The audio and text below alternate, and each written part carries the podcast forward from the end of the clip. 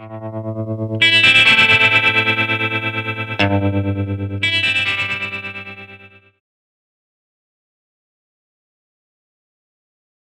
dobry, witam Państwa. Y, tu- Tutaj chyba wszystkie, dziękuję bardzo. Tutaj chyba wszystkie informacje są. Właśnie ja się nazywam e, Alicja Urbanik-Kopeć, pracuję w Instytucie Historii Nauki PAN, czyli niż, piętro niżej, ale oprócz tego współpracuję z Archiwum Kobiet e, IBL PAN, które właśnie tutaj e, organizuje e, te em, trzy em, częściowy e, blok wykładów, także zachęcam do zostania po moim wykładzie, ponieważ dwa następne również są bardzo ciekawe i prowadzą je wspaniałe badaczki, z którymi mam przyjemność współpracować. Tak jak Ania wspominała, ja wydałam dwie książki. Moja poprzednia książka to była mm, książka o robotnicach fabrycznych Aniu w domu, mrówka w fabryce. Teraz najnowsza to jest właśnie instrukcja nadużycia, historia kobiet służących w XIX-wiecznych domach. No i też dzisiejszy wykład dla Państwa to jest takie Podsumowanie trochę e, chciałam opowiedzieć e, o e, służących, tak jak właśnie tu e, widnieje, e, w XIX-wiecznych domach. Natomiast od razu mówię, że to jest tylko po prostu takie trochę kilka informacji e, e, z wierzchu, bo mimo, że mamy 40, 45 minut, to nie da się zawrzeć naprawdę całej e, specyfiki tego e, problemu w tak e, krótkim czasie, dlatego e, e, jeżeli będą Państwo oczywiście zainteresowani, no to zachęcam do dalszych, dalsz- dalszej lektury. E, Niekoniecznie tylko moje książki, ponieważ też inne teksty na ten temat ciekawe się pojawiały. E, Dobrze, ale myślę, że myślę, że możemy e, w takim razie zacząć. To mm, zaczniemy od kilku liczb, to ich, ich jest niewiele, ich jest niewiele, to jest, od razu mówię, jedna tylko z dwóch plansz, w których są jakieś cyfry, potem będzie ciekawiej. Em, tak naprawdę, jak, jeżeli badamy e, demografię i w ogóle e, grupę zawodową, czy też grupę społeczną, w skład której wchodziła służba domowa i służba żeńska przede wszystkim w XIX wieku, no to niestety nie mamy dostępu do e, jakichś takich bardzo długotrwałych, rzetelnych e, informacji, e, długo, długotrwale zbieranych. Mamy takie punktowe, e, różne spisy ludności, które się co jakiś czas pojawiały, punktowe e, dane demograficzne z tym związane, szczególnie jeżeli chodzi o Królestwo Polskie i w drugiej e, połowie e, XIX wieku. Także te dane, które ja tutaj mam, one są punktowe, no ale też pokazują taki obraz, e, że możemy mieć chociaż takie ogólne pojęcie na temat tego, mniej więcej o jakiej grupie społecznej mówimy. No więc w 1882 roku w Warszawie pracowało 38 tysięcy służących, w 1897 51 tysięcy służących. Co to oznaczało? Biorąc pod uwagę wielkość e, Warszawy wówczas, że między 20 a 30% pracujących zawodowo w miastach ludzi to byli służący. To bardzo dużo. I kobiety, i mężczyźni, ale za chwilę, e, po, e, ale za chwilę powiem a propos kobiet w ogóle.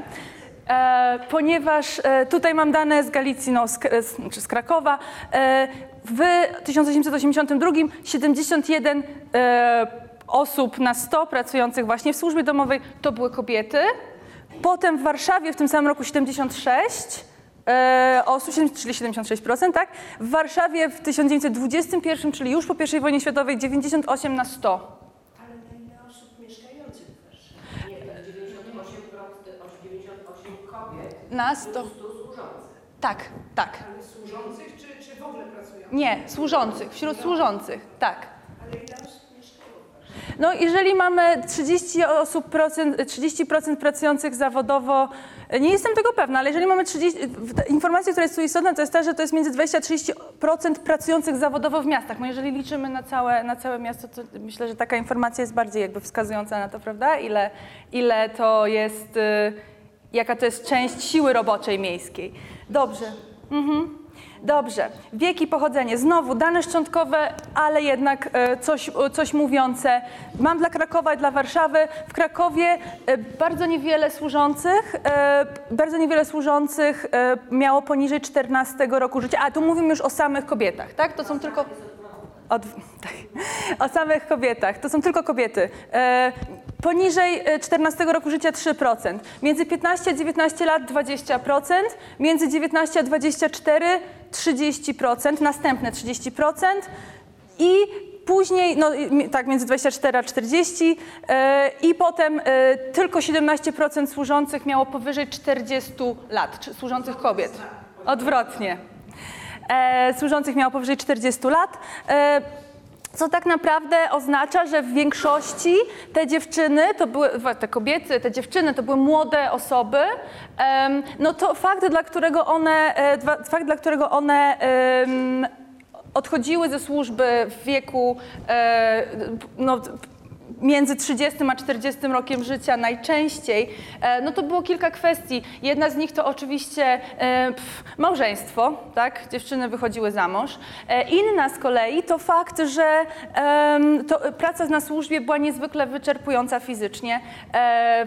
E, Oczywiście, jako praca, jako praca fizyczna e, w, na przełomie XIX i XX wieku tym bardziej, e, ponieważ trzeba było wykonywać czynności, które, które dziś wykonują za nas maszyny oczywiście. E, no i po prostu e, te kobiety odchodziły z tej pracy ze ze względu na problemy ze zdrowiem. To często były takie typowe, związane z pracą fizyczną. E, to była e, przepuklina, to były choroby stawów, to były choroby kręgosłupa różnego typu, e, ale też takie choroby związane z płucami.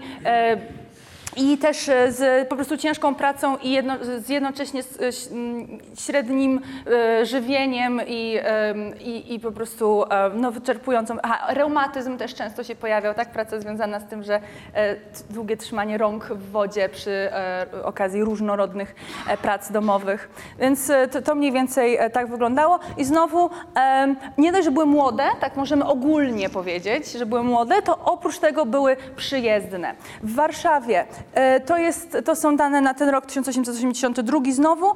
em, 86% służących to przyjezdni spoza miasta. Mówię tutaj o kobietach i mężczyznach, czyli w ogóle służba domowa. Służba domowa to był zawód, który wykonywali e, przyjezdni, którzy wykonywali ludzie, którzy się nie urodzili w mieście.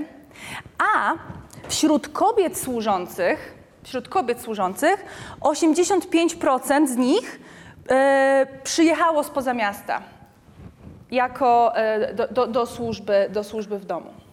E, więc nie dość, że młode kobiety, to jeszcze kobiety, które nie urodziły się i nie mieszkały przez pierwsze lata życia w mieście, w którym następnie pracowały. To informacja, którą myślę można, możemy zapamiętać e, na później, bo ona być może będzie miała e, pewne no, pewne konsekwencje. E, Przy okazji tutaj po prawej stronie to jest, e, ja nie wiem jak dobrze Państwo to widzą, ale to jest okładka e, książki e, poradnika dla służących, który nazywał się Dobra Służąca. To był poradnik, no tutaj mówi zresztą tytuł sam za siebie, co powinnam wiedzieć o służbie i na służbie e, z 1909 roku, wydany przez Elżbietę e, Bederską, która wyjaśniała służącym, jak powinny dobrze służyć i jak powinny dobrze pracować.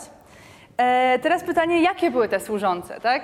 No, tego oczywiście nie możemy stwierdzić z zupełną pewnością, ale pewną informację na temat e, stereotypów, e, który, z którymi te służące e, musiały się mierzyć, czy jak stereotypowo o nich myślano, e, pokazują nam karykatury. To są karykatury w większości e, wykonywane e, przez Franciszka Kostrzewskiego, który publikował je w e, tygodniku ilustrowanym, ale one się też pojawiały w zupełnie w różnych pismach i to, to był taki bardzo pop popularny autor tego typu rysunków.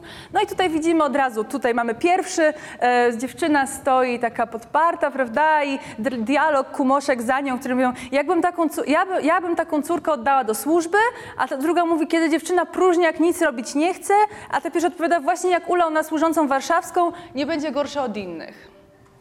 Czyli no, nie, nie, niespecjalnie wysokie mniemanie na temat służących, jak się tutaj wydaje, prawda? E, druga karykatura to z kolei jest e, e, zatytułowana Rachunek z kucharką. Pani mówi do służącej, dałam ci do miasta trzy, ruble, cóżeś wydała, dyktuj, a mm, ona mówi, nazwana Pelagia, ta służąca mówi, że włoszczyzna blisko złoty, mięso przeszło, przesz, przeszło dwa ruble, cebula i kapusta coś koło trzech złotych i tak dalej, tam wymienia, wymienia, wymienia. Ze swojego dałam rubla, to już wszystko. Czyli nie dość, że ta służąca tutaj e, jakby wydała wszystkie pieniądze, które jej pani dała na, e, na zrobienie zakupów na obiad, to jeszcze twierdzi, że ze swoich pieniędzy dołożyła. To też była taka jedna z rzeczy, które, o które bardzo często oskarżano służące, to znaczy, że one, powiedziałabym, kreatywnie gospodarują em, budżetem, który dostają do e, wydania w, e, na zakupy. Część ze służących oskarżano też o to, że pobierają koszykowe. To zależy jak e, to rozum, znaczy to, to mogło oznaczać różne rzeczy, albo e, fakt, że dziewczyna po prostu sobie zabierała resztę z zakupów, tak? To znaczy, że mówiła, że tam, nie wiem, zapłaciła o 8 rubli, a zapłaciła tak naprawdę 7,20 i resztę sobie zabrała. Albo to też znaczyło, że ona chodziła na targ e, kupować produkty na obiad, czy w ogóle na wyżywienie, nie, do, e, nie tam, gdzie jest na przykład najtaniej, albo gdzie są najlepsze produkty, tylko tam, gdzie przy, na konkretnych straganach sprzedawcy e, po prostu byli z nią umówieni, że, e, że za to, że zawsze kupuje u nich, będą jej tam jakąś tam malutką prowizję od tego oddawać. Więc to też no takie z punktu widzenia państwa bardzo nieuczciwe praktyki. Zresztą, jak mówię, pr- proszę to zapamiętać, bo znowu to, to, to, to wróci później.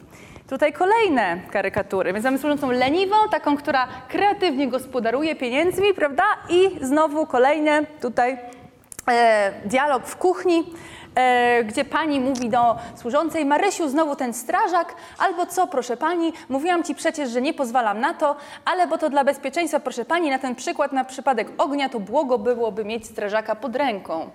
To jest, e, no więc e, tutaj pani tak przyłapuje służącą ze strażakiem w kuchni. To jest kolejny rodzaj em, takich zarzutów, które państwo mieli wobec służących. Dziewczyny młode, pracujące w domach, które niespecjalnie miały za dużo czasu na to, żeby prowadzić życie towarzyskie albo w ogóle, żeby robić cokolwiek innego niż po prostu pracować w domu, w którym są.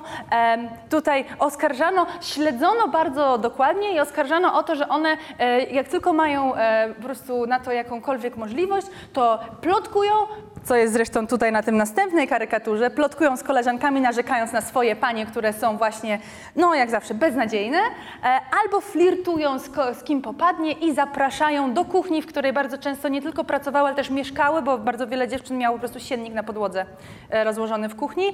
E, Zapraszają no kogo się, kogo się nawinie. Tak? Strażak był takim tylko e, przykładem, e, takim hasłem stereotypowym, którego używano, e, żeby oczywiście tam jakieś nieprzyzwoite znajomości zawierać, zamiast pracować.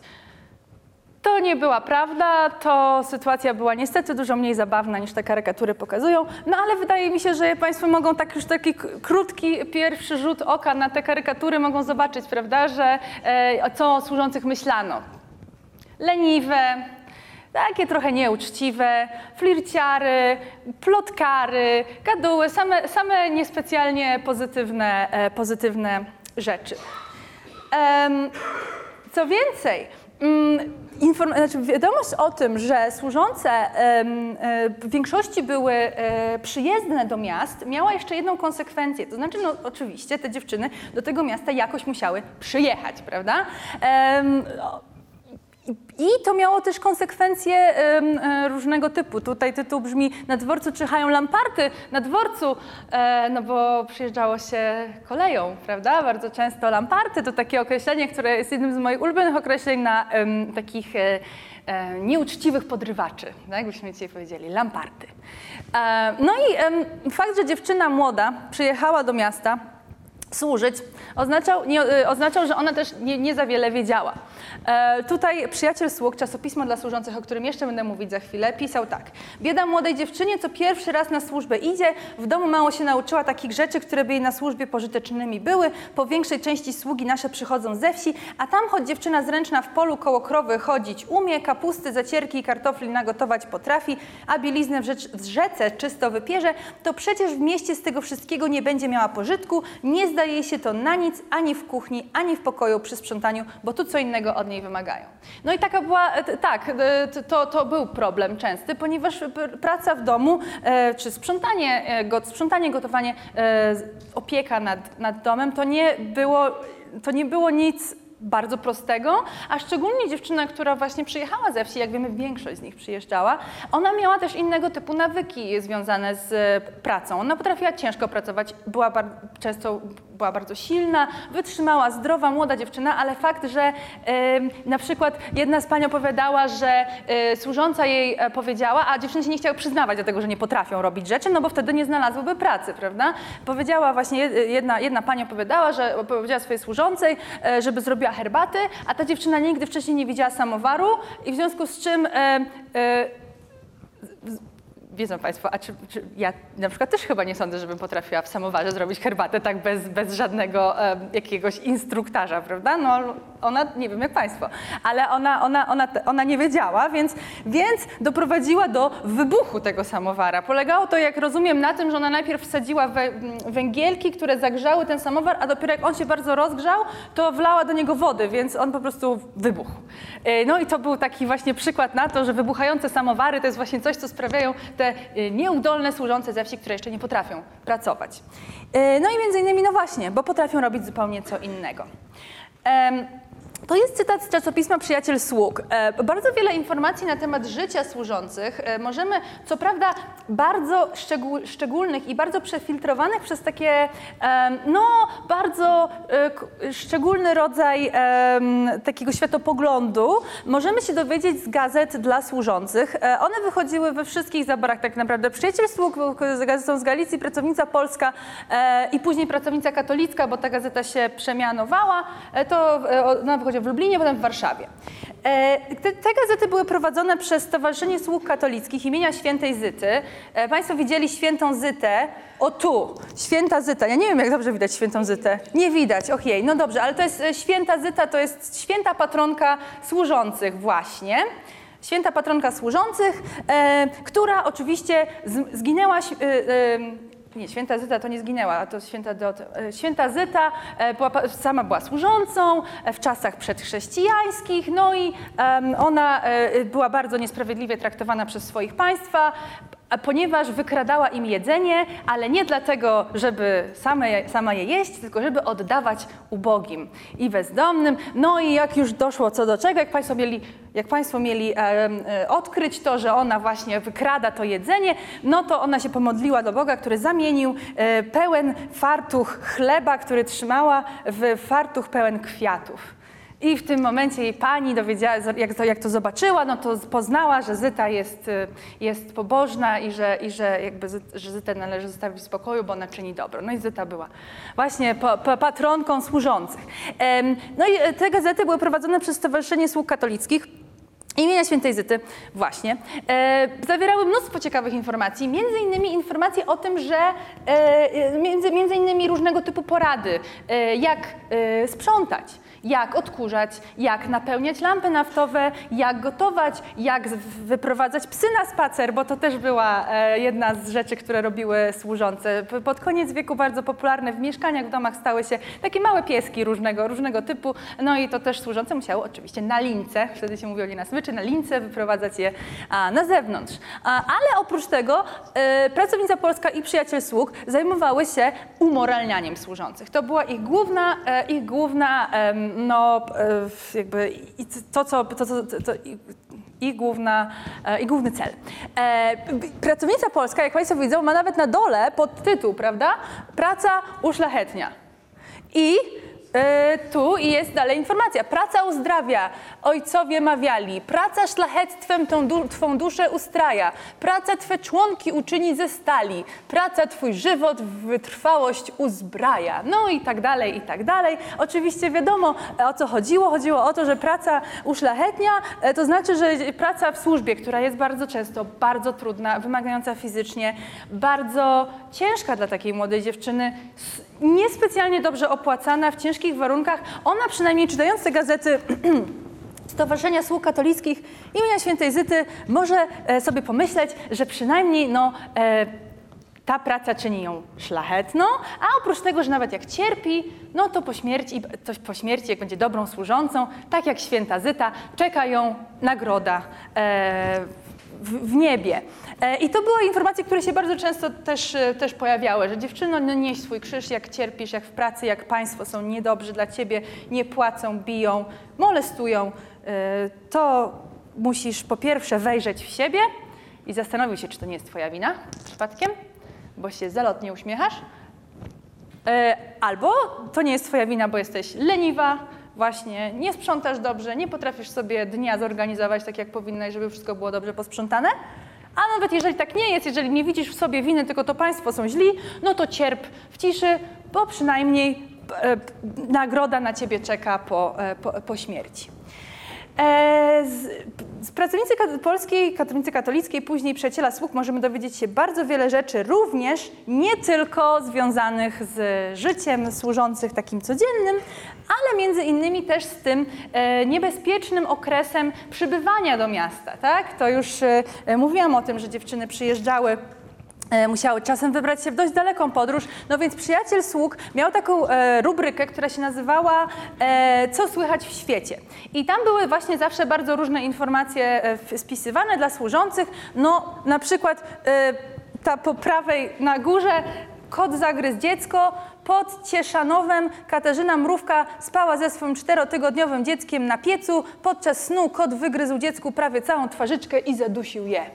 I tam były takie, o matko, no tam było mnóstwo takich różnych informacji, albo na przykład, że ktoś tam, służąca Jadwiga jakaś tam e, kupowała od obwoźnego sprzedawcy e, takie eliksiry na miłość i napoiła tam kogoś tym eliksirem na miłość, a to się okazało, że to był arszenik i on padł trupem. Tak? Były mnóstwo różnorodnych tego typu informacji, bardzo ekscytujących, jak rozumiemy, ale przede wszystkim bardzo często pojawiały się takie newsy, jak tutaj widzą Państwo, na przykład, no yy, znowu, już Państwo widzą, ale może tylko. W Lwowie na dworcu przetrzymane dwa, dwoje, przetrzymano dwie, dziewczę, dwie dziewczęta, które jechały ze Śniatynia do Buenos Aires. Jakiś Żyd dał im zaliczkę na jazdę do Wiednia i tam w hotelu miał na nie czekać. Policja dała znać do Wiednia z rozkazem ujęcia tego handlarza. Albo w Krakowie zasądzono niejakiego Żyda Erlicha, który werbował dziewczęta niby to do, do kapeli damskiej, a w gruncie rzeczy prowadził z ich pomocą niecny wyzysk i szkaradne oszukaństwo. Dziewczętom do ręki dawał skrzypce, smyczkiem poruszały dla oka, gdy inni grali, one zaś występując po kawiarniach różnych miast służyć miały za wabik dla różnych, dla różnych lampartów. Proces ten odsłonił straszną niegodziwość tego ptaszka i niesłychaną łatwowierność dziewcząt i w ogóle. Potem Stanisławowie pochwyciła policja Leopolda i Markusa Grunberga, gdy w podstępny sposób wywozili dwie dziewczęta. Znowu, tak? To oczywiście są, e, to jest inna twarz przyjaciela sług pracownicy katolickiej również, to znaczy e, antysemickie wtręty, które pojawiały się bardzo często w tych gazetach, one były bardzo, bardzo wyraźne. Dziewczętom mówiono, kładziono do głowy, też bardzo specyficzny jest, jak Państwo widzą, no język tych gazet, tak? One mówią w taki mm, sposób, taki, pa, e, taki e, który jest e, bardzo e, w stosunku do tych dziewcząt e, pobłażliwy. On tak trochę próbuje udawać taką gwarę ludową e, miejscami, no chyba po to, żeby się, żeby te, jakby skrócić dystans, jak rozumiemy, no ale jednak redaktorki tej gazety, w tym redaktor naczelna Aniela Dziewicka, nie miały nic wspólnego z gwarą ludową, ani w ogóle z ze wsią w jakikolwiek sposób, a, a więc e, to czasem brzmi bardzo kuriozalnie. No ale te informacje są w związku z tym takie łopatologiczne. Oni bardzo często to powtarzają. Trzeba uważać na Żydów. Dlaczego? Według e, pracownicy, e, według przyjaciela sług, dlatego, że Żydzi biją, okradają, bo to jest drugi rodzaj y, takich newsów, który się pojawia, że, że żydowscy państwo pobili swoją służącą, pobili na śmierć nawet. No i przede wszystkim kradną, kradną, w- y, uwodzą, wywożą dziewczyny gdzie? Do Argentyny. Tak? Albo w ogóle do Europy Zachodniej, do pracy w domach publicznych. To był jeden z takich największych lęków w tej drodze na wieś, na wieś ze wsi do miasta, e, że dziewczyna zostanie uwiedziona i gdzieś wywieziona i sprzedana do domu publicznego. To są e, takie. To się zdarzało, oczywi- to się, to się zdarzało. Oczywiście, że się zdarzało, natomiast e, częst, jakby. Mm, częstotliwość tych wydarzeń oraz przede wszystkim, e, oraz przede wszystkim e, ta grupa, na której żerowali, bo oni tutaj mówią o, o, o, często o takiej szajce przestępczej, która się nazywa Twimigdal, Warszawskie Towarzystwo Pomocy która była faktycznie założoną powstałym w Warszawie gangiem, e, który, żydowskim, który miał wywozić do Argentyny i do Brazylii dziewczyny właśnie do domów publicznych, no ale e, oni to piszą w taki sposób, jakby, e, jakby ci Żydzi żerowali i polowali na te, na te dobre katolickie, dobre kato, katolickie Marysie, tak? A tak naprawdę w większości działalność tego gangu, e, no ona się skupiała na wywożeniu dziewczyn z, e, z gmin żydowskich, chociażby dlatego, że mieli do nich łatwiejszy dostęp, ale też dlatego, że one były bardziej bezbronne, często mniejsza, zamknięta taka społeczność, tym łatwiej było je po prostu przewieźć, gdzie się chciało. Lampart, no to był ten, to był ten, to był ten taki podrywacz, Lampart. Tak, na tamte czasy, Lampart.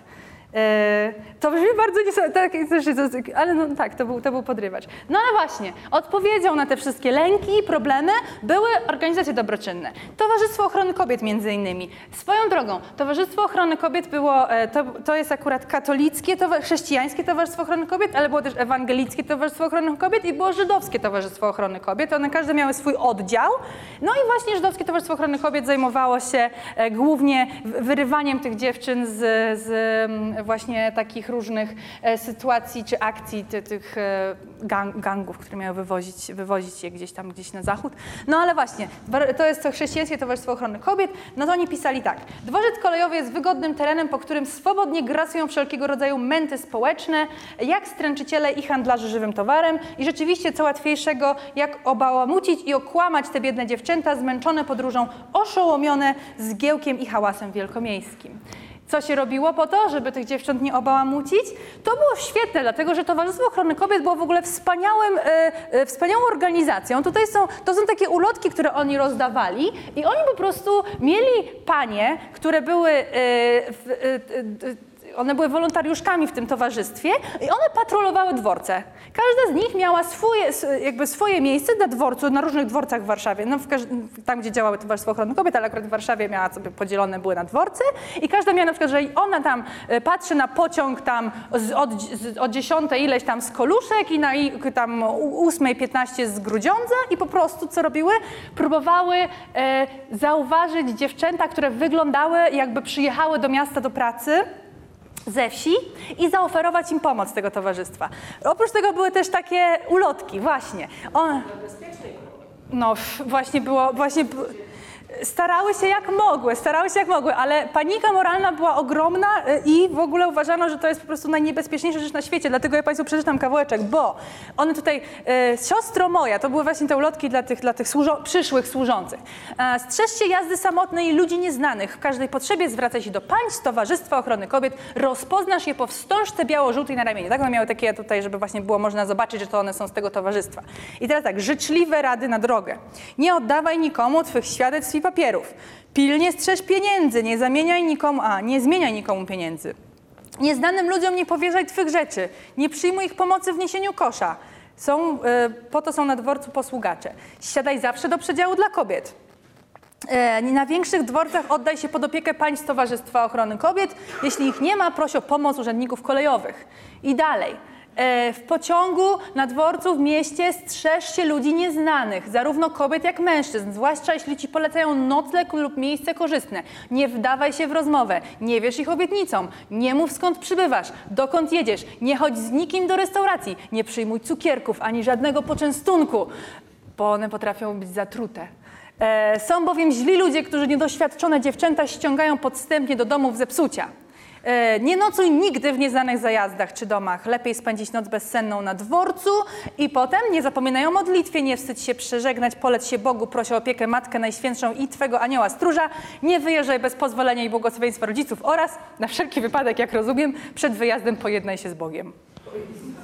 E, No to było niebezpiecznie, no najwyraźniej, ale nie, to była świetna, e, świetna robota. W sensie te panie z Towarzystwa Ochrony Kobiet, one były po prostu niezmordowane i faktycznie wyciągały dziewczyny, które przyjeżdżały, które się zgubiły. Tak, to były czasy, w których, wiedzą Państwo, dziewczyna mieszkała gdzieś na wsi, nie miała nigdy kontaktu z koleją, nie miała nigdy kontaktu z dworcem kolejowym, a to czasy bez, no tak, bez telefonów, bez GPS-a, nie można sobie sprawdzić, gdzie się jest, co się dzieje, więc takie zagubione, e, a, A faktycznie, faktycznie, no to było też niebezpieczne, bo nie tylko handlarze żywym towarem wywożący do Argentyny, nie trzeba było tak egzotycznych rzeczy się bać, ale chociażby tego, że było mnóstwo właśnie mężczyzn, którzy em, jakby, oni te dziewczyny uwodzili na narzeczonego, tak? To znaczy oni się im tak jakby e, zapraszali do restauracji, coś tam gdzieś tam, potem się oświadczali, one przyjmowały te oświadczyny, bo oni mają ma mieszkanie w mieście i tak dalej, więc te dziewczyny oddawały im swoje pieniądze, które miały na drogę, no i ten narzeczony się u, ulatniał. E, więc to się zdarzało po prostu. Panie z Towarzystwa Ochrony Kobiet starały się te dziewczyny po, po, przechwycić, pochwycić i, e, i, i oddać do, e, no właśnie, gdzie? E, Wydział Kontroli Służących. Wydział Kontroli Służących i kantory stręczeń. E, to jest e, książeczka służbowa, pierwsze dwie strony książeczki służbowej. Ponieważ e, ja mówię o sytuacji w Królestwie Polskim po 1857 roku, więc taka dziewczyna, kiedy już przybyła do tego miasta, kiedy się udało, e, ona mogła e, wtedy, musiała się udać do Wydziału Kontroli Służących w mieście, który się znajdował przy jakby głównym komisariacie policji i tam był jej nadawany numer i wydawana książeczka służbowa. Służące miały książeczki, w których były zapisane ich dane oraz referencje. Po każdym zatrudnieniu dostawały opinię od pani. A musiała zapłacić 13 kopiejek za, za, za taką książeczkę, a następnie szła szukać pracy do kantoru stręczeń. E, oczywiście kantor stręczeń to brzmi dość niepokojąco w dzisiejszych czasach, prawda? Ale to chodzi po prostu o biuro pośrednictwa pracy. To było biuro pośrednictwa pracy, taka dziewczyna szła do biura pośrednictwa pracy, no i tam em, wcześniej, no nie wiem, przychodziły panie, które jakby zgłaszały zapotrzebowanie na służącą, no więc jak przychodziła taka dziewczyna, no to ten e, ka- kantorzysta czy kantorzystka, to się mówiło faktor albo faktorka, łączyli te, e, te, dwie osoby w parę. Oczywiście popierając, pobierając prowizję, tak? I od, I od pani, i od służącej za e, wykonanie tego, e, no, tego połączenia. Oczywiście kantory były krytykowane i niechętnie używane, dlatego że po pierwsze, znowu, uważano, że kantorzyści przede wszystkim to był wątek antysemicki znowu, to znaczy, że kantorzy, kantory zakładają Żydówki, które potem te dziewczyny sprzedają gdzie? Do niewoli do Argentyny, tak? E, albo gdzieś, gdzieś do jakiegoś nieprzyzwoitego domu, to też o, to, o tym mówiono. Po drugie uważano, że, e, no bo po- ponieważ kantorzyści brali prowizję, to uważano, że oni, że w ich interesie jest to, żeby jak najczęściej dokonywać tych transakcji, tak? Czyli jakby przeznaczać niewłaściwe służące dla niewłaściwych państwa, bądź też e, odsyłać dziewczyny do złych domów, żeby one się zwalniały i wracały, no i znowu, żeby się ten, ta akcja em, e, zatrudnienia odbywała po raz kolejny, prawda? Więc nie ufano, bardziej starano się umawiać e, mm, na gębę. Tak, to znaczy bez pośrednictwa kantoru, co znowuż nie było aż takie dobre. Ale w każdym razie, e, Państwo widzą jakieś literki tutaj, czy nie bardzo? Naprawdę? To bardzo niedobrze. Ojej, no dobrze, to ja będę musiała przeczytać, a to jest bardzo ciekawe, bo to jest pierwsza strona e, takiego właśnie, em, takiej książeczki. Wydział Kontroli Służących przy Kancelarii Warszawskiego Oberpolizmeistera, czyli szefa policji. E, I tutaj jest, e, tutaj są informacje na temat tej dziewczyny. To jest tak, proszę Państwa. E, dziewczyna się nazywała Bronisława Koszarska. Trafiła do służby w 1883 roku, miała 18 lat, zarejestrowała się w Warszawie, e, miała i teraz tak, informacje o niej. Oczy wyznania katolickiego, wzrostu średniego, bo nie było zdjęć, tak? Wzrostu średniego, oczy niebieskie, krzywy nos, włosy ciemne, twarz okrągła. Miałam też, widziałam też inną książeczkę służbową, gdzie było napisane zęby rzadkie na przykład. Zęby rzadkie, e, włosy szare albo mysie. Oni się bardzo, bardzo niemili byli ci, ci tworzący te książeczki, no ale niestety.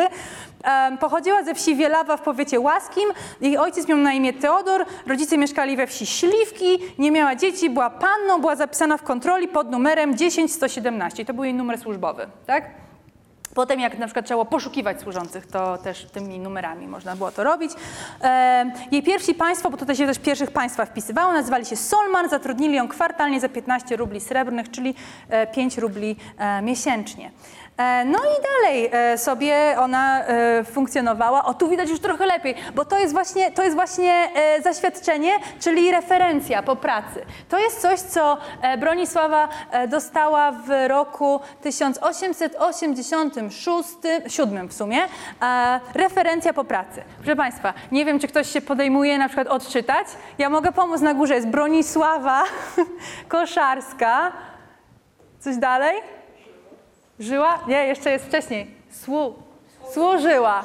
Służyła do wszystkiego, tak jest. Służyła do wszystkiego od 1 października 1886 do 1 lipca 1887.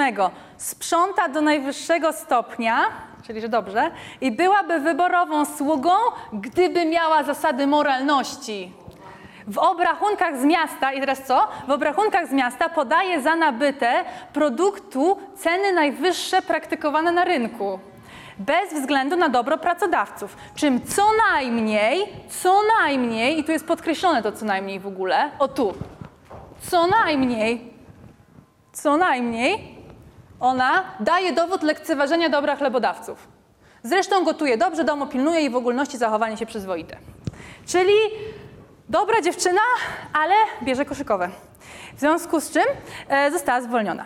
E, to była bardzo niebezpieczna sprawa, dlatego że e, e, e, z, z taką, no i to jest podpis zamaszysty tej pani, prawda? 6 lipca 1887. E, i to, to jest, to jest, to jest nie, nie, niebezpieczna sprawa, ponieważ służące zatrudnione były na podstawie swoich referencji, prawda? Więc jeżeli dziewczyna miała wpisane, że kradnie, albo chociażby, że, y, jak to jest ujęte, nie ma zasad moralności w obrachunkach, tak? No to, no to, no to tr trudno jej było znaleźć następną pracę. Gazety dla służących, znowu, pracownica polska w 1910 roku przestrzegała bardzo przed poprawianiem sobie. To wszystko było na papierze, prawda? Można sobie było, nie wiem, skreślić, dopisać, poprawić. No nie, właśnie nie. Przestrzegano nad tym bardzo. Tutaj przykład Marianny Cybulskiej, która będąc niezadowolona e, ze świadectwa wpisanego do książeczki służbowej przez panią W, poradziła sobie w ten sposób, iż świadectwo wyskrobała i napisała sobie natomiast inne lepsze. Została skazana na dwa tygodnie aresztu. Pracownica polska pouczała, bo też jakby pismo dydaktyczne. W życiu tylko prostą drogą chodzić należy, bo tak nam nakazuje uczciwość, a przy tym za szacherki wcześniej czy później pokuta nie minie. Nie wolno było tak robić. E, co prawda informacje na temat, e, na temat e, tam właśnie nieodpowiedniego obchodzenia się z pieniędzmi to była jedna sprawa. Dużo gorsze i, i bardziej niebezpieczne było otrzymanie referencji takiej, że dziewczyna jest zwolniona z powodu niemoralnego prowadzenia się. Ponieważ służba była pracą w domu, osobistą pracą u ludzi konkretnych, państwo bardzo postrzegali opinię swojej służącej jako znak nie tylko jej własnej moralności, ale też e, dobrej e, reputacji całego domu, w którym taka dziewczyna e, pracowała. A ponieważ te dziewczyny, jak wiemy, były emigrantkami ze wsi, młode dziewczyny, je bez przerwy podejrzewano o to, że one się po prostu niemoralnie prowadzą, a oprócz tego, w związku z tym, że pochodziły z klasy ludowej, no to też takie ogólne przekonanie stereotypowe panowało, no właśnie, że klasa ludowa to jest taka leniwa, taka, ale też taka trochę głupiutka, rozwiązła przede wszystkim, rozwiąza, bo w nich te wszystkie żądze, naturalne po prostu się e, kłębią, nie tak jak w ludziach z klasy wyższej, którzy już są w stanie te swoje żądze powstrzymywać, prawda? No więc taka służąca była raz, że podejrzewano o najgorsze, a z drugiej strony była łatwym kąskiem. Bardzo. I tak była postrzegana, bo znowu też była bardzo młoda bardzo często. Świat płciowy, 1905 rok, czasopismo skandaliczne, bo piszące, proszę Państwa, o seksie piszą o służących. Zaczyna się więc polowanie. Najpierw kilka dobrych, wesołych uśmiechów i przyjemnych słówek pod adresem Marysi czy Kasi, czyli służącej, potem ukradziony całus, poufałe poklepanie po różowym policzku i tak dalej. Potem skorzystanie z pierwszej lepszej sposobności, gdy się jest sam na sam ze służącą, broni się czasem nawet zapalczywie, lecz, lecz cóż to szkodzi, siła przed prawem. I to jest taki bardzo Wiedzą Państwo, opis e, taki dookoła na temat tego, w jaki sposób służące się molestowało w pracy. E, czasem się kończyło na poklepaniu po policzku, a na ogół to się kończyło na y, poważniejszym molestowaniu albo na gwałtach. O tym piszą tutaj, prawda? Ten, ta karykatura z tym strażakiem nabiera takiego trochę mniej zabawnego charakteru.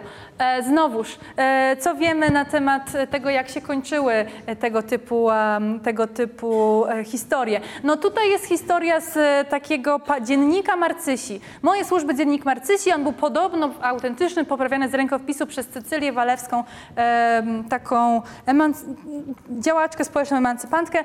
Nawet jeżeli nie był prawdziwy, to Cecylia Walewska miała duże, dużo kontaktu ze służącymi w różnych organizacjach dobroczynnych i w szkole dla służących, w której również się udzielała, więc to przyjmuje się, że nawet jeżeli nie jest to faktycznie prawdziwy dziennik służącej, to przynajmniej on jest oparty na wielu różnych takich fa historiach faktycznych. To jest historia o tym, że u jednych państwa na parterze służyła dziewczyna Teofila, bardzo ładna, bardzo się wszystkim w kamienicy podobała, a i swojemu panu także. Nieraz jak pani wyjechała, pan do niej w konkury, wszyscy widzieli, że ona wygląda jakoś tak nie bardzo, ale pani nic nie miarkowała. To, co myśmy po niej poznali, zdawało się, że będzie nieprędko, tymczasem wczoraj rano robi się gwałt. W śmietniku znaleźli małe dziecko uduszone, dalej, że rewizja po domach. Przyszli do tych państwa i ta dziewczyna leżała jak nieżywa, zaraz ją zawieźli do szpitala pod strażą, a potem mają wziąć do więzienia. Ona na pana, pan się wyparł wszystkiego, pani zaczęła krzyczeć, że ona wylatywała do, jak rozumiemy, strażaków i że kawalerowie do niej chodzili. Nikt niczego nie dojdzie, ale wszyscy mówią, że to pan, nawet sama stróżka kamienicy, ona sama widziała. My z panią teraz tylko o tym gadamy i w całej kamienicy się trzęsie, wszyscy na tę dziewczynę, że dziecko zabiła, a ona tak w pierwszej chwili pewnie ze wstydu, a teraz żałuje. I tak się te historie rozwijały. To jest być może fikcja literacka, ale to już nie. E, to są e, wypadki w Warszawie. Moja ulubiona rubryka w warszawskiej gazecie policyjnej, z której e, jest nieocenionym źródłem mnóstwa informacji na temat tego, jakie zbrodnie popełniano w mieście. Ona wychodziła codziennie, więc te informacje są codziennie. I ja przejrzałam pierwsze trzy miesiące nie, pierwsze, pie, pierwsze pół roku, pierwsze pół roku 1895. E, I to jest wybór z takich rzeczy, które znalazłam. Oprócz informacji takich jak na przykład spadnięcie z okna pod numerem 10 przy ulicy Koźlej służąca Wiktoria Kowalska myjąc okno poślizgnęła się na parapecie, spadła na trotuar z wysokości pierwszego piętra, przy czym uległa nieszkodliwemu stłuczeniu głowy. Uf. Tam są też informacje o tym, że ktoś coś komuś ukradł, że ktoś się próbował zabić, że ktoś kogoś wyzwał na pojedynek, że komuś ukradli mm, pierścionek, tak, różne tego typu rzeczy, ale też mnóstwo takich informacji. Dnia 20 grudnia w korytarzu domu pod e, numer 56 przy ulicy Miłej znaleziono podrzucone dziecię płci żeńskiej. Z przeprowadzonego śledztwa wykryto, że dziecię urodziła i podrzuciła niezamężna Anna Grodkowska służąca. Zamieszkała przy ulicy Smoczej. Niezamężna PN lat 26 licząca powiła na poddaszu dziecię płci żeńskiej i zadusiła je szmatą. Służąca Helena Majewska, tu jest zamach samobójczy, znowuż się napiła kwasu karbolowego. Potem e, podrzucenie zwłok, służąca TZ z Grzybowskiej, przyszedłszy do mieszkania na Pańskiej, pozostawiła tam zwłoki przedwcześnie urodzonego dziecka. Ujęto i pociągnięto do odpowiedzialności. Służąca TW w nocy, w styczniu powiła dziecię płci męskiej, zadusiła, zakopała w piwnicy. Następnie, przechodząc rano ulicą Ceglaną, służąca AR powiła na trotuarze dziecię płci żeńskie, z którym odesłano ją do przytułku położniczego. To są tylko pierwsze, trzy miesiące, pierwsze pół roku tego 1895 i to są informacje, które się tam znajdują. Służące rodziły dzieci, e, dzieci państwa, panów, synów, studentów. Em, I zwykle było tak jak w służący, jak w dzienniku Marcysi, że nikt nic nie wiedział i nikt nic nie widział i w ogóle o niczym nie słyszał i na pewno miała kochanków. E, bardzo ciekawe jest to, że tutaj podawane są przede wszystkim też e, miejsca pracy tych dziewczyn. Nawet jeżeli nie są podawane nazwiska, tylko inicjały, to podawane jest, w którym domu służyła. I to jest bardzo takie, ja zawsze sobie staram wyobrazić, że to jest taka, taki rodzaj takiej sprawiedliwości, że e, wszyscy wiedzieli, jak ktoś to czytał, który to jest adres, który to jest dom i kto tam mieszkał i kto to był. E, przynajmniej tyle, prawda? Mm. Yy, mówiłam o synach. No tak, yy, bo nam się wydaje czasem, prawda, że w XIX wiek to jest taki okres takiej wstrzemięźliwości seksualnej takiej moralności bardzo takiej em, ciasno zesznurowanej w gorsecie. Wydaje się, że szczerze mówiąc niekoniecznie, a jednym z takich dowodów na to jest e, taka książka Czego nie wiem o naszych synach. E, Izabeli Moszczeńskiej. E, to jest książka, w której ona podsumowuje różnego typu ankie, ankiety przeprowadzane na studentach Politechniki, Uniwersytetu Medycznego, e, którzy opisują w jaki sposób, e, w jaki sposób e, no jak wygląda ich życie seksualne. Z tego można się dowiedzieć bardzo wiele. Oni bardzo szczerze odpowiadają na te pytania. Między innymi ilu z nich podlega onanizmowi. Około połowy. E, Albo na przykład od kogo dowiedzieli się, że w ogóle skąd się biorą dzieci? Od kolegów i rówieśników, od służby, to jest wyłącznie drogą indukcji i domysłu, to rozumiem z własnej. od rodziców bardzo niewiele, od starszych braci, od bony z naocznej obserwacji faktu też się zdarzało. No ale między innymi oni podawali informacje na temat tego na przykład, e, no w jakim wieku stracili dziewictwo, większość, ponad połowa między 15 a 19 rokiem życia. To wydaje się tak jak ja- czy ja wiem, jakoś niespecjalnie późno, prawda? Albo, albo jakoś zupełnie inaczej niż obecnie. E, nie wiem, jaka jest śre- średnia e, w 2019 roku, ale tak mi się wydaje, że być może jakoś tak, no między 15 a 19 rokiem życia. E, w warunkach, które określali jako zupełnie pospolite. Jakie to były okoliczności pospolite? Z namowy kolegów ze służącą. W warunkach pospolitych ze służącą moich rodziców. Służąca poddawała się biernie i niechętnie, służąca albo inna służąca nie dała się dużo prosić. E, oni bardzo często właśnie uprawiali seks ze służącymi jako młodzi chłopcy, jako studenci. Po pierwsze dlatego, że one były obok. Po drugie, że, że nie musieli iść wtedy, znaczy, że nie musieli szukać na zewnątrz, tak? Służąca była pod ręką. Ale też dlatego, że uważali, że służące są, e, że służące są czyst, bezpieczniejsze, czystsze, bardziej niewinne niż prostytutki na przykład i też, że nie mają chorób wenerycznych. Um, jeden z nich zapytany, z kim najczęściej utrzymuje stosunki seksualne, odpowiadał szczerze, że to zależy od każdorazowej zmiany służby w domu. Więc e, tak, to, tak to wyglądało. No i praktyka taka miała dość upiorne konsekwencje i zarówno w ankiecie, właśnie tych ankietach, o których tutaj mówię, jak i w innych prowadzonych e, przez doktor, e, również na Uniwersytecie Medycznym, e, wychodziło, że około 40% studentów aktywnych seksualnie było zarażonych jakąś chorobą weneryczną. A jeden ze studentów przytaczał oburzającą go historię swojego znajomego, gdy 16-letnia, zupełnie niewinna sługa e, została uwiedziona przez studenta syna swych chlebodawców. Bezpośrednio potem zachorowała, lekarz stwierdził, że jest zarażona rzeżączką i syfilisem. E, studenci uważali, że służące są czyste, ale sami zdrowi nie byli, prawda? Um, Istniała również informacja, znaczy istniała również taka, takie, takie przekonanie, to jest w ogóle e, ta pani tutaj w tym pięknej sukni, w paski, to była bardzo modne, tysiąc, około 1908 roku, to był bardzo modny wzór ubrania, takie czarno-białe paski. E, to jest Lucyna Koterbińska, która napisała taką, takie wspomnienia, moje domownice. I ona pisała o tym, że no cóż, zawsze mówiłam mężowi, że tylko nałogowej stałości zawdzięcza moją wierność i lubiłam niczego zmieniać, ani mieszkania, ani służącej, ani męża.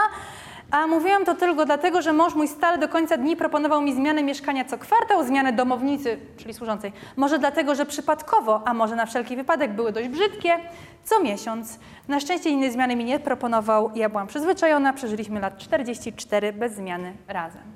Lepiej zatrudniać brzydkie, to znaczy, że nie tylko panowie czy synowie polowali na służące, jak to się mówiło, ale również panie chciały zatrudniać dziewczyny, które były nieatrakcyjne, bo one uważały, że służące uwiodą ich mężów, ale też, szczerze mówiąc, częściej z tego typu tekstów przebija się takie przekonanie, że raczej to mąż się może nie powstrzymać. Więc dla dobra małżeństwa, co jakby od razu ustawia, prawda, kto tu jest podmiotem, a kto jest przedmiotem w tej historii. E, więc lepiej na wszelki wypadek zatrudnić brzydką służącą.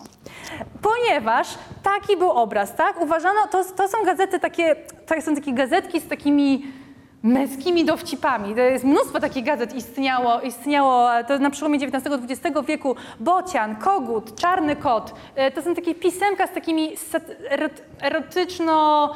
e, satyrycznymi dowcipami rysunkowymi albo, albo tekstowymi, które się po prostu obracają w, jakby głównym źródłem komizmu całych, całych, całych tych czasopism jest to, że ludzie uprawiają seks i to jest po prostu najśmieszniejsze ze wszystkiego, a jeszcze do tego robią to poza małżeństwem i jeszcze czasem mają z tego dzieci. To jest po prostu naj, naj, puenta każdego dowcipu. Więc służące bardzo często się pojawiały e, jako postać właśnie, taka postać stereotypowa, obrzydliwie opisana postać. Tutaj właśnie jest służąca, która jest taka piękna. To są y, żołnierze, ona z żołnierzami e, służące według tej gazety bardzo często robiły flirtować.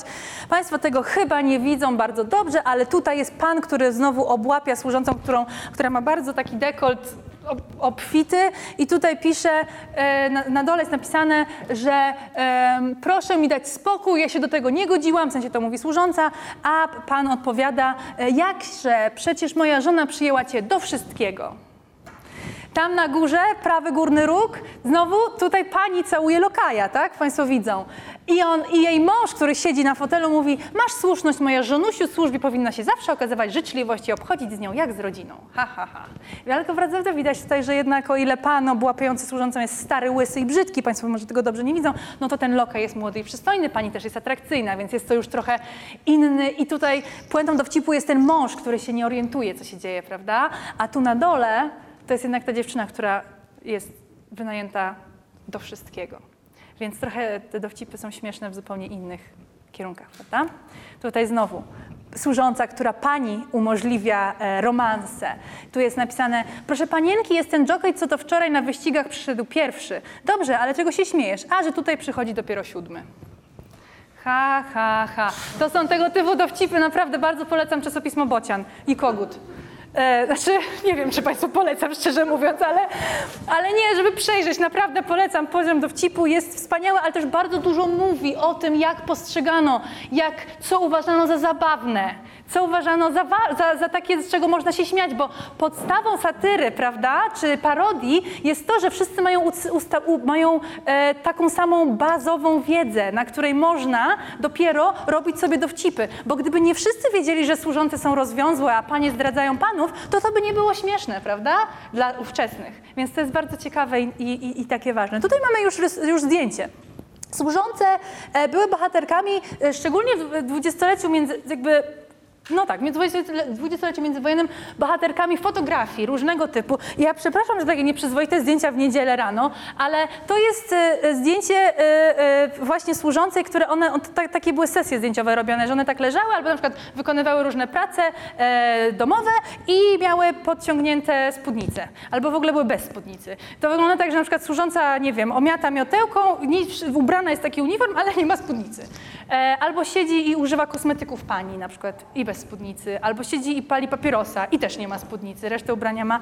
E, i, i, I to było takie świadectwo tego, jak bardzo ekscytujące, erotycznie musiały wydawać się te służące. I właściwie dlaczego? Bo były, bo były młode, bo były inne, bo były z tej klasy ludowej, która przecież była taka chętna, tak, w takim ogólnym, e, stereotypowym odbiorze społecznym do e, relacji seksualnych pozamałżeńskich, bo były słabsze i można je było zdominować. Różne, różne powody, prawda, tutaj się mieszały i istniały. Na samo zakończenie. Na samo zakończenie chciałam tylko powiedzieć kilka słów. Ja oczywiście nie mogłam e, ująć dzisiaj wszystkich e, informacji, które bym chciała, bo jest jeszcze mnóstwo tematów, które można poruszyć, jeżeli chodzi o specyfikę pracy służącej w XIX wieku. Ale chciałam na sam koniec tylko dwie rzeczy, dwa cytaty. To jest Narcyza Żmichowska. E, służących się nie wychowuje. Służące nie są dziećmi, to są dorosłe, właściwy sobie charakter urobione osobistości i Zofia Daszyńska-Golińska. Ważnym warunkiem jest, aby kobiety klas wyższych nie wyobrażały sobie, że należy im zająć stanowisko opiekunek i kierowniczek, bo robotnica współczesna opieki takiej nie znosi. To są bezpośrednie diagnozy dwóch silnych osobowości, emancypantek, które całe życie musiały wydzierać sobie kawałki niezależności. I tak samo tej niezależności pragnęły kobiety z innych klas społecznych. Nie tylko, nie tylko emancypantki, prawda? Ale należy się chyba zastanowić trochę, na ile to równościowe przekonanie Żmichowskiej i Daszyńskiej-Golińskiej miało sens w określonych warunkach ekonomiczno-społecznych, takich, o których ja e, mówiłam. E, te dziewczyny, e, które pracowały jako służące, one były młode, w większości imigrantki, 70% z nich to były analfabetki. E, młode imigrantki ze wsi, samotne w dużym mieście, bezbronne e, i dziewczyny, które były wykorzystywane przez swoich pracodawców nie tylko seksualnie. Nie, chodziło raczej o wykorzystywanie też po prostu ciężkiej ich fizycznej pracy aż do utraty zdrowia, aż do utraty sił, aż do utraty możliwości. I zastanawiam się, czy o tych dziewczynach można było powiedzieć, że są samodzielne i należy im po prostu dać większą swobodę życia i pracy, a na pewno sobie e, poradzą. E, Bo służące nie były też aniołami, niektóre kradły, niektóre oszukiwały, niektóre były leniwe, niektóre czekały tylko na to, aż będą mogły e, po prostu usiąść i, i, i nic nie robić, ale niektóre też wpuszczały zawodowych złodziei przez kuchenne drzwi, bo też takie e, dochodzenia policyjne się, się zdarzały. I badając życie codzienne służących domowych w drugiej połowie XIX wieku, z łatwością można natracić, natrafić na takie historie jeżące po prostu włos, włosy na głowie. Opowieści o dziewczynach, które były gwałcone i wykorzystywane i bite i wyzywane i głodzone i wyrzucane na bruk albo przez drzwi, albo przez okno. Ale em, no, a przecież e, na co zwracały różne, e, uwagę różne społeczniczki, nie tylko ludzie pracujący w różnych e, organizacjach zajmujących się służą, służbą domową, służące często znajdowały się w najintymniejszym kręgu rodzinnym, to one myły e, i usypiały pańskie dzieci, zmieniały pościel, usługiwały przy każdym śniadaniu, wynosiły nocniki, prały bieliznę. I na nich skupiało się tak dużo agresji i na nich skupiało się tak dużo pogardy ludzi, choć odrobinę stojących wyżej od nich w, na drabinie społecznej. I wydaje mi się, że odpowiedzi na to, na, na, na to pytanie, dlaczego tak było, należy szukać po prostu w systemie, e, w systemie em, w organizacji struktury społecznej. Dlatego, że to były dziewczyny, które nie miały szans. To były kobiety, które przychodziły do pracy, nie miały żadnego wsparcia rodzinnego, żadnego wsparcia instytucjonalnego, żadnego oparcia w prawie, żadnego oparcia w opiece zdrowotnej, opiece e, prawnej, e, żadnego dostępu do edukacji. A jeżeli miały to przez stowarzyszenia katolickie, które były świetne, choćby dlatego, że tam, że tam były po prostu, że robiły cokolwiek, bo były, ale jednocześnie one sprzedawały tym dziewczynom taką wizję świata, tak jak mówiłam, praca uszlachetnia. Cierp dziewczyno, to nie jest nic, co możesz zmienić. I trudno się dziwić, bo, bo, bo jeżeli były jedyne, które, które się zajmowały tymi dziewczynami, no to mogły im y, za, w zamian za faktyczną, praktyczną pomoc i opiekę dawać, y, jakby uczyć je, czego tylko chciały. E, I te dziewczyny mm, jednocześnie pracowały w domach, w których, których miały kontakt z paniami, które same nie miały za wiele sprawczości w swoim życiu. To kobiety, tak, bo ta struktura patriarchalna takiego domu była taka, że to pan zarabiał, pani dostawała pieniądze, pani komenderowała służącą. Im bardziej pani była e, nie nie, nie, jakby, im mniej miała własnej sprawczości, im mniej miała możliwości życiowych, im mniej miała własnych pieniędzy i samodzielności, tym bardziej jedynym obszarem, na którym mogła wykazać tę swoją, tę swoją e, po prostu sprawczość i swoją władzę, była służba domowa. Więc pan kopał panią, pani kopała służącą, a służąca mogła kopnąć pieska. I to, I to była taka drabina. I wydaje mi się, że to takie, myślę, że to takie e, dwie rzeczy mogą zostać jako podsumowanie chyba tego całego, e, całego wykładu. To znaczy to, że praca w warunkach, w których nie istnieją żadne systemowe ramy opieki społecznej oraz żadne systemowe ramy kontroli tej pracy, e, będzie dążyła do, do, nie, do wynaturzeń różnego typu. A z drugiej strony to, że im bardziej e, w sytuacji niesprawczej, im bardziej upokarzany jest ten, kto rządzi, tym bardziej będzie się wyżywał i pokazywał tym, którzy są słabsi, że, e, że to może zrobić. E, I wydaje mi się, że bardzo często na spotkaniach autorskich, jak jeżdżę z tą książką, mam takie e, pytania, ludzie mówią, a ale to dzisiaj też są służące. Dzisiaj też są panie do pomocy, prawda? Panie Ukrainki. E, Czy panie przyjeżdżają, panie, pani, e, pani Nadia, pani Wala, pani Swietłana u nas sprząta w domu, prawda? E, I jak tak patrzę na te rzeczy, które tutaj były elementami życia tych dziewczyn, to znaczy napięcia klasowe, dyskryminacja płciowa, przymus emigracji zarobkowej, nieformalny sposób zatrudnienia pracowników, prawda? Rodzące nieuchronne patologie, no to wydaje się, że tak naprawdę ta instrukcja nadużycia to jest dalej podstawowy dokument zatrudnienia. Tylko być może teraz już czepek z falbanką, miotełka do kurzu i ten taki uniform już e, nie jest e, potrzebny. Dziękuję bardzo.